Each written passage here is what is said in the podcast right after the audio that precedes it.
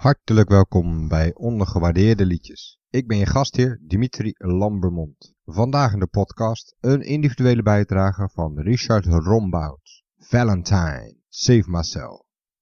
Ineens was hij een bekende Nederlander geworden met zijn single Over and Over Again. Een ballad die vele damesharten deed smelten. De opvolgers werden minder grote hits.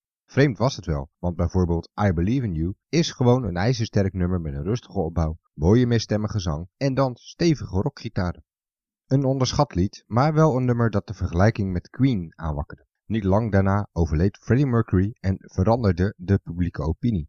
Robbie Valentine vertelt. Dat ik zo'n nummer uitbracht kon niet. We begonnen heel goed, maar van de ene op de andere dag veranderde ik van een veelbelovende nieuwe artiest naar lijkenpikker. Gelukkig voor multi-instrumentalist Robert Kempe had hij een langlopend contract met Polydor, waardoor Valentine albums kon blijven maken. Een Europese tour als voorprogramma van Brian May volgde in 1993 na de release van het tweede album The Magic Infinity. Dat was dé droom, openen voor een van mijn helden. Maar toen kwamen de mensen van de Duitse afdeling van de platenmaatschappij kijken.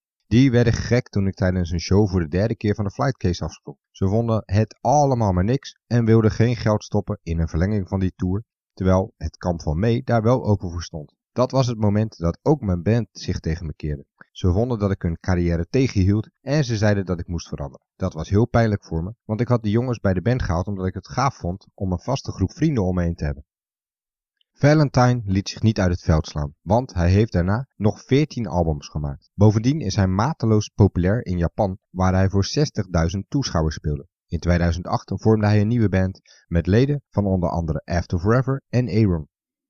Een jaar later ziet het dubbelalbum Androgenius het levenslicht, een soort best-of onderverdeeld in twee delen. Future, de nieuwe koers van de Heavy Valentine met onder andere Save Myself en Past met een selectie van favoriete Valentine songs van de Japanjaren plus nieuw opgenomen versies van klassiekers van de eerste twee albums. De titel is een woordspeling, want Valentine voelt zich als artiest verbonden met androgene mannen zoals Freddie Mercury, David Bowie, Brian Molko of Nick Rhodes. De liedjes gekozen voor Future waren gevoelsmatig gekozen, maar met name nummers die hij graag live wilde spelen. Save Myself is een heerlijke combinatie van symfonische rock met pop. Onbegrijpelijk dat dit lied zo weinig airplay gekregen heeft.